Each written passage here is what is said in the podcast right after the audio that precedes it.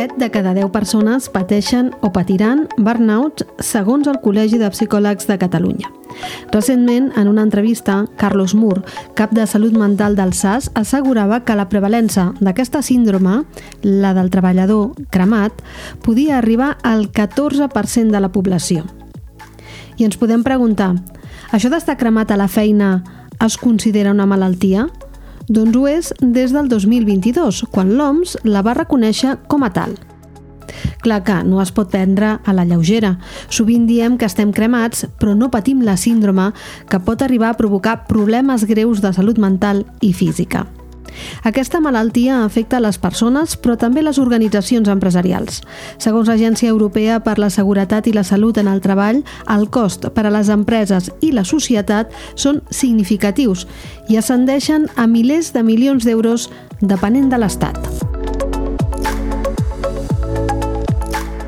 Hola, sóc Esther Pons i això és l'Altaveu a fons. Aquesta setmana ens endinsem en aquesta malaltia mental – què és i què no és burnout? Quins efectes té sobre les persones i les empreses? I com es pot prevenir?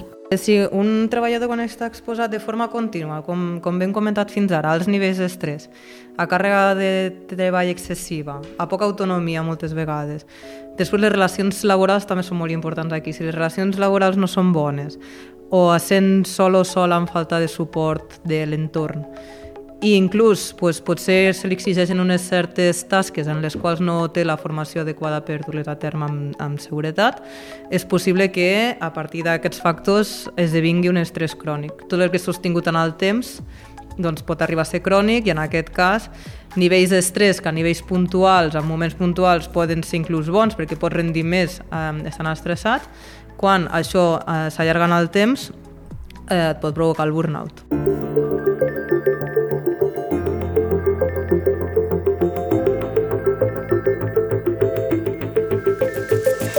Anna Verdaguer és psicòloga especialitzada en temes d'empresa. El burnout apareix quan l'estrès laboral es cronifica i no està exempt de riscos. Com que hem dit que el burnout és algo que és crònic i per tant amb el temps cada cop va pitjor, no? Aleshores, eh, va creixent de forma progressiva i és important detectar-ho a temps per, per tractar-ho. En el cas que no es tracti a temps, doncs sí que és possible que la sensació que tens de frustració o, o, o d'incompetència que tens potser en àmbit laboral l'extrapolis a altres àrees de la teva vida. No? I aquí és ja quan no només et sents que no estàs capacitat laboralment en el teu dia a dia, sinó que ja no et sents com a persona capaç de dur a terme la teva vida d'una forma ajustada. Aquí és on poden arribar uns símptomes més depressius, eh, més angoixants, inclús ideació suïcida, pot arribar a un punt greu. Moltes persones acudeixen a vegades a, amb la frustració que, que comporta no? doncs a, a intentar evadir-se de la realitat d'alguna forma, ja sigui amb psicofàrmacs, amb drogues, alcohol, per intentar mm, pal·liar una mica tot això. I també pot ser un problema, un, un possible inici d'addiccions. I com diferenciem si patim el burnout o només estem passant per una mala temporada? Aquesta és la llista de símptomes que ens poden posar en alerta per demanar ajuda a temps. Sobretot, el primer, el sentiment d'esgotament, que és el que, el que caracteritza el, el, el burnout, de fracàs, impotència, el fet de sentir, de, de rendir per sota les teves possibilitats, arriba un moment que ja no pots donar més perquè estàs cansat, és com que tens la bateria baixa i per tant no pots rendir al 100%. Aquí també pot haver-hi ja absentisme laboral, eh, pot, poden haver-hi baixes laborals per, per aquest mateix motiu. També a banda alteracions del descans, insomni. És molt freqüent, el nostre cap quan treballa més és quan, està, quan, quan intentem dormir, perquè ja no s'ha d'encarregar de les funcions motores del dia a dia, sinó que el descans és quan processem el que ha passat durant tot el dia i per aquest mateix motiu el descans moltes vegades queda alterat, no? perquè si el dia ha sigut emocionalment molt intens, potser només amb la nit no és suficient per reparar tot això. Després també canvis en l'alimentació, també es dona moltíssim, de, de que es tanqui la gana o, o que s'obri totalment, de no escoltar les senyals de gana i sacietat. Després també sensació de poca realització personal, baixa autoestima, dificultat per concentrar-se, dificultat per comunicar-te de forma eficient, a nivell físic doncs, mal de cap, taquicàrdies també pot estar allà, i sobretot el que caracteritza molt també és un estat constant de nerviosisme, per tant més irritables, impacients, saltem a la mínima, metxa curta. Però per què? Perquè estem saturats. Altres efectes que notem quan patim un estrès crònic o burnout són més físics. Quina relació tenen aquests trastorns, per exemple, amb les contractures? Per trobar respostes, visito la fisioterapeuta Lídia Rodrigo. Doncs eh, aquesta ansietat, el, l'efecte que té és una alteració sobre la respiració. Jo no respiro igual si estic ansiosa o si estic molt calmada, molt relaxada. Llavors, el, aquesta respiració alterada ens ubica la respiració més a zones claviculars, per exemple. No? La musculatura de la, de la zona cervical i clavicular o toràcica no està tan preparada per absorbir aquesta demanda d'oxigenar a un individu el múscul que està preparat per fer-ho és el diafragma i això ens dona una, una l'activació diafragmàtica ens donaria una respiració a la panxeta no? o a les costelles baixes i aquesta és la respiració de quan jo estic tranquil·la, quan estic molt relaxada. Quan estic amb ansietat, la respiració canvia i puja a les clavícules aquest estrès crònic, aquest estat d'alerta permanent en el que està el cos per una amenaça, no? una, aquest, aquesta feina que em produeix aquestes sensacions negatives, una amenaça per mi, em dona una respiració pujada a les clavícules. I a part de no oxigenar-me correctament, obliga aquesta musculatura cervical de les espatlles a mantenir un nivell de tensió i d'exigència pel qual no està preparada. I això pot produir aquestes sensacions, aquestes molèsties al coll, no? fins i tot mal de cap, depèn com. Alhora, quan no funciona correctament el diafragma, perquè està com espantat, no? està en aquest estat d'alerta, el que veiem és que la regió lumbar i abdominal no es mou correctament perquè el moviment respiratori abdominal em permet flexibilitzar la zona lumbar i abdominal. Doncs com que això no es dona, la zona lumbar és com que es torna més rígida, eh? més, eh, menys vascularitzada i això també pot eh, desencadenar sensacions de molèsties desagradables a nivell lumbar. Aquestes, aquest estat d'alerta eh, i, i aquesta, el sistema nerviós està sempre preparat per reaccionar no? davant d'un perill imminent. No? En algun moment em pot passar alguna aquesta feina que no m'aporta benestar. Doncs crea molta fatiga, perquè jo no puc estar constantment en un estat d'alerta, perquè em fatigo, em canso. Aquesta fatiga, aquest esgotament, també desencadena un canvi d'hàbits. No només hem parlat de l'alimentació i la son, però també hi ha un canvi d'hàbits, per exemple, amb el lleure. Doncs jo deixo de fer coses que em fan bé, que em donen benestar. Per exemple, sacrifico la meva activitat física, deixo de fer-la. Sacrifico les meves sortides amb els amics, no? Són aquests factors psicosocials que parlàvem abans. Eh, la, la pèrdua d'hàbits correctes alimentació, son i activitat física directament eh, activen i desencadenen o ens predisposen a patir dolors a nivell osteoarticulars a, di a diferents nivells, està clar, perquè la resposta està, està alterada.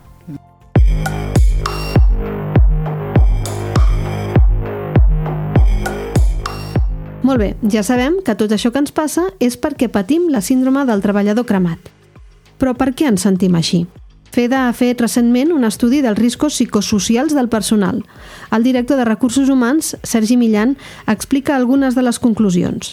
Un risc psicosocial al final és la percepció que tu pots tenir sobre l'organització del treball, sobre el contingut de la teva feina, sobre la forma de realitzar-la, que al final és s'està donant que hi ha una sèrie de condicions que normalment tenen a veure, són, són organitzatives, no són de la persona. Hem de fer, aquí és important aquest matís, que són organitzatives, i tenen a veure, per exemple, en un ritme del treball elevat. Tenen a veure amb una relació insuficient amb el teu mànager, amb els teus companys, que el contingut de la feina potser és, pot ser massa, però també pot ser molt avorrit.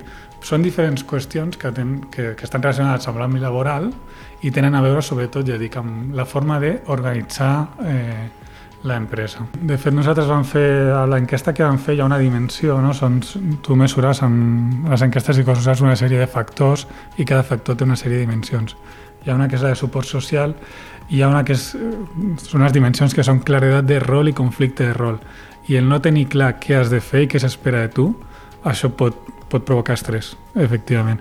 I també eh, això és molt habitual i, i de forma totalment transparent. A FED ens ha sortit com una àrea de millora l'última enquesta que hem fet, perquè hem fet una sèrie de canvis, no? perquè al final FEDA no, ha esdevingut una empresa potser del negoci elèctric més tradicional, a un grup energètic, no? ara tenim filials, ara, ara fem moltes coses, i això ha sigut en molt poc temps i gairebé amb, amb el mateix personal.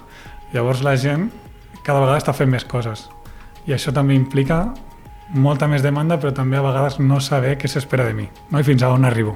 I és que el burnout no afecta només les persones que ho pateixen, sinó també les empreses i organitzacions on l'índex de malestar laboral és elevat. Per mi, una empresa amb uns riscos psicosocials elevats és una empresa abocada a un pitjor clima laboral, per suposat. Eh, això vol dir més absentisme, més rotació, eh, més estrès, menys rendiment, i això, com es pot entendre, en cap cas ajuda a, ni a la productivitat ni a la gestió d'una empresa com, com a tal i, i de fet ja hi ha estudis que parlen d'això, no? de, de, de correlacionar la inversió en programes de salut amb eh, una major productivitat. Crec que és la xarxa europea de promoció de la salut que conclou que per cada euro invertit en programes de salut tens un retorn, per una mica de memòria, però del 2,3 i gairebé 5 euros en, en absentisme i també de 2 i algo i gairebé 6 euros en costos de, de malaltia.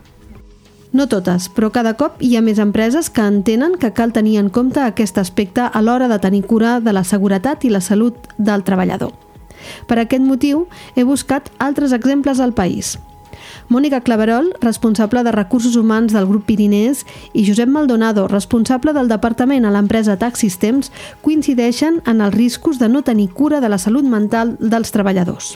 És una qüestió de productivitat i assentisme, perquè saps que Eh, és difícil trobar, trobar, trobar persones per treballar a Andorra, sempre, sempre, sempre és una dificultat. Llavors està claríssim que si una persona no, no està a gust, eh, produirà menys i, i, i, i o, o marxarà, saps? Llavors, les dues coses causen mm, pèrdues econòmiques a l'empresa. Per una persona que, que no ho dona tot, que, una persona que està per estar, eh, que no està prou implicada, que doncs, no està sent suficientment productiva, no està compromesa pues, amb els resultats, etc. Eh, I després hi ha gent això que simplement simplement doncs, que aquest no és el seu lloc i, i marxa. I torna, torna a buscar una altra persona, torna a formar-la i llavors és un... S'ha de, de prestar atenció, o sigui, és, un, és, és important i és important que, que això, que passem moltes hores a la feina, no? llavors és important que, que estiguis el millor possible. Els treballadors que vinguin a gust a treballar, que estiguin motivats, això eh, incideix directament en la productivitat. Val?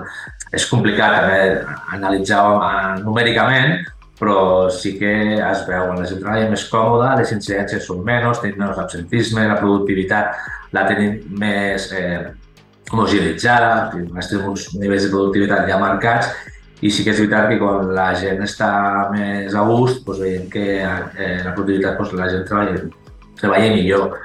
Um, en moments, eh, jo sé, previs a, a les vacances d'estiu, doncs la gent està més relaxada, més còmoda, treballar millor, en l'entorn de vacances doncs, igual estan una mica eh, més estressats de la, de la tornada a la rutina i es nota també una mica amb la productivitat. O sigui, són puntets que es noten poc però que sí que afecten, I si són conscients de la importància de prevenir el burnout, quines accions porten a terme? FEDA, per exemple, posa l'accent en el lideratge. Jo crec que hem de normalitzar les empreses el poder parlar d'emocions de, i, de, i de salut mental i qualsevol persona es senti lliure de dir a mi m'està passant això amb aquest tema o sento ansietat quan he de venir o, i que això en cap cas sigui eh, no, un estigma. I jo crec que aquí necessitem personal de, de recursos humans, d'àrees de persona conscienciats i, i que creuen en això, però també líders, no? i aquí vaig, amb compromesos amb un lideratge que va molt més enllà de l'humà, no? que, va, que va més enllà de l'operatiu i cada vegada té una, un, una orientació més humana. No? Eh, I aquí eh, jo crec que és un clau perquè al final són les persones que poden detectar eh, casos en els quals hi ha un risc psicosocial eh, i també actuar, canviar les condicions de treball, canviar el ritme al qual s'està fent la feina, podem moure una altra persona, no? I, i, i són persones que poden prevenir moltes de, la, de, les, de les accions que es donen. Al final és que el, el tema és que fem molta formació a managers i cada vegada és el que et dic, no? Històricament sempre els, els managers han, han anat promocionant perquè tècnicament pues eren, eren, eren els millors o donàvem la, la millor de les solucions llavors han arribat a un punt i sobretot en, a l'actualitat amb, amb un context tan, tan divers i, i cada vegada sempre s'ha més ràpid i els problemes són uns altres perquè jo m'ho trobo a fer dels problemes normalment o les situacions més, no, més complexes ja no tenen a veure tant amb un tema tècnic, tenen a veure més amb un tema social, amb un tema de, de coordinar diferents aspectes, persones, no? i FED està invertint molt en, en, en lideratge i, i en reforçar aquesta visió cap a lo que deia abans, un, un lideratge més humà i veure la persona no solament des d'una dimensió tan operativa, tan tècnica, no? sinó amb tot el seu en tots els seus aspectes. Pirinès també fa enquestes de satisfacció al lloc de treball i aposta per la conscienciació. Nosaltres, per, per prevenir, el que tenim és eh, una mica el, el nostre Departament de, de Salut i Prevenció, doncs precisament fa algun tipus d'accions per, per una mica fer difusió de, de, com, de, de com la gent pues, sigui conscient. Llavors eh, hem fet des d'algunes de, des xerrades, eh, per exemple, de commemorar pues, els dies, eh, els, el Dia Mundial de la Salut Mental. Llavors, amb una sèrie d'activitats, oferim també potser pues, una sèrie de cursos, de, per exemple, des de mindfulness fins, a, eh, fins al burnout, eh, bueno, diferents tipus de, de, de, de, de suport, no? perquè la gent almenys sàpiga que ho té allà, no? Eh, una mica el, el que ho necessiti. El que també és, és veritat que que la, a la gent li costa parlar d'això. És a dir, una persona té una, té una lumbàlgia i li explicarà a tothom, però una persona té un, un, un quadre d'una depressió o d'una ansietat i tot això o, i, i costa més no, de que ho diguin. Llavors nosaltres volem també pues, responsabilitzar a que els propis managers, per això els diem als managers que en el seu ADN també compta, a part de moltes altres coses sobre els resultats, sobre els clients, etc., pues, també s'han de preocupar de com està el seu equip. No? Llavors, amb aquesta conscienciació, ells són els primers que han d'aixecar la mà. No? A Tax System, si fa no fa, el sistema és el mateix. Fer enquestes de clima laboral. I si es detecta alguna disfunció, si cal, intervenen equips de psicòlegs externs a l'empresa. Nosaltres, com a comentari, no, no hem detectat cap cas formal que tinguem, però el que sí que eh, hem detectat possibles eh, focus que, que puguin originar un cas d'aquests. Llavors, quan hem detectat això, el primer que fem és treballem amb recursos humans i seguretat amb el treball i amb la persona o departaments afectats, ho treballem internament, val?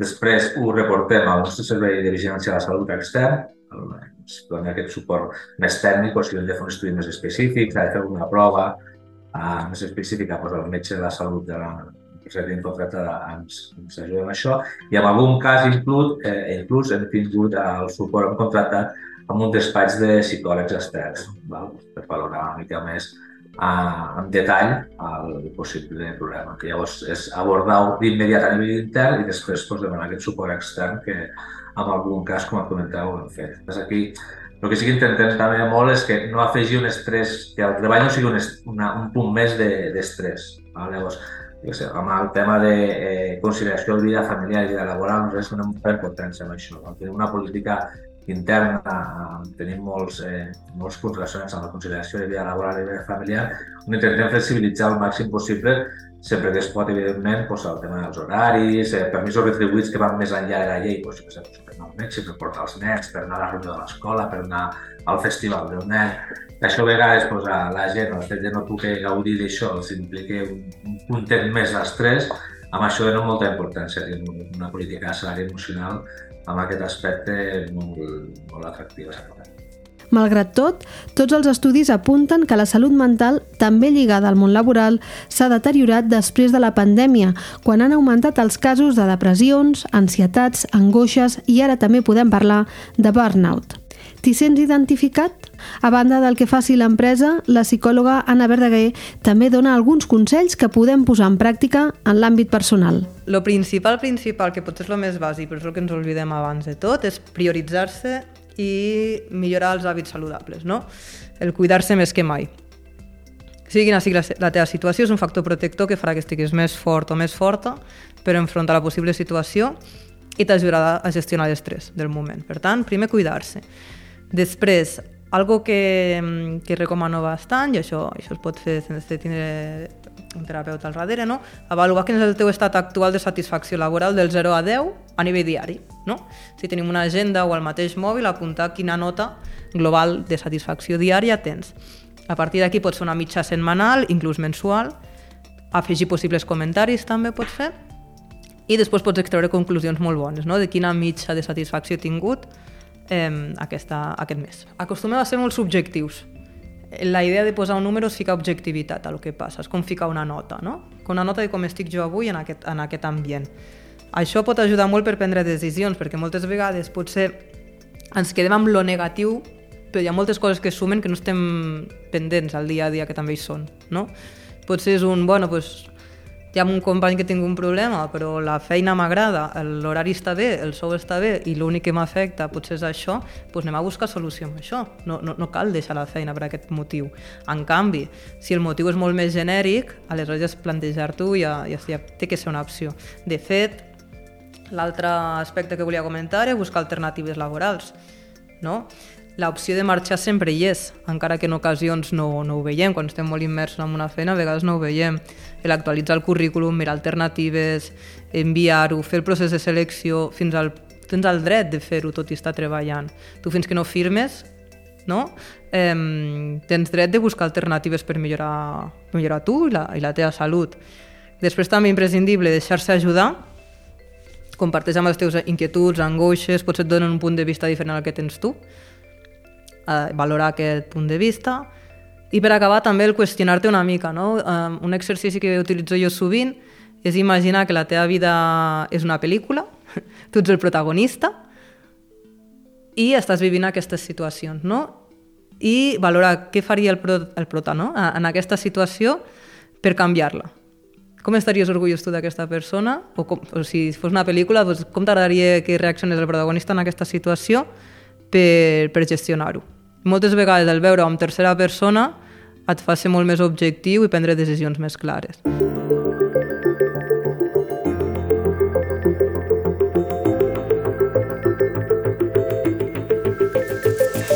Això ha estat l'Altaveu a fons. Aquest episodi l'ha realitzat qui et parla, Esther Pons. Espero que t'hagi agradat. La setmana vinent tornem amb més històries.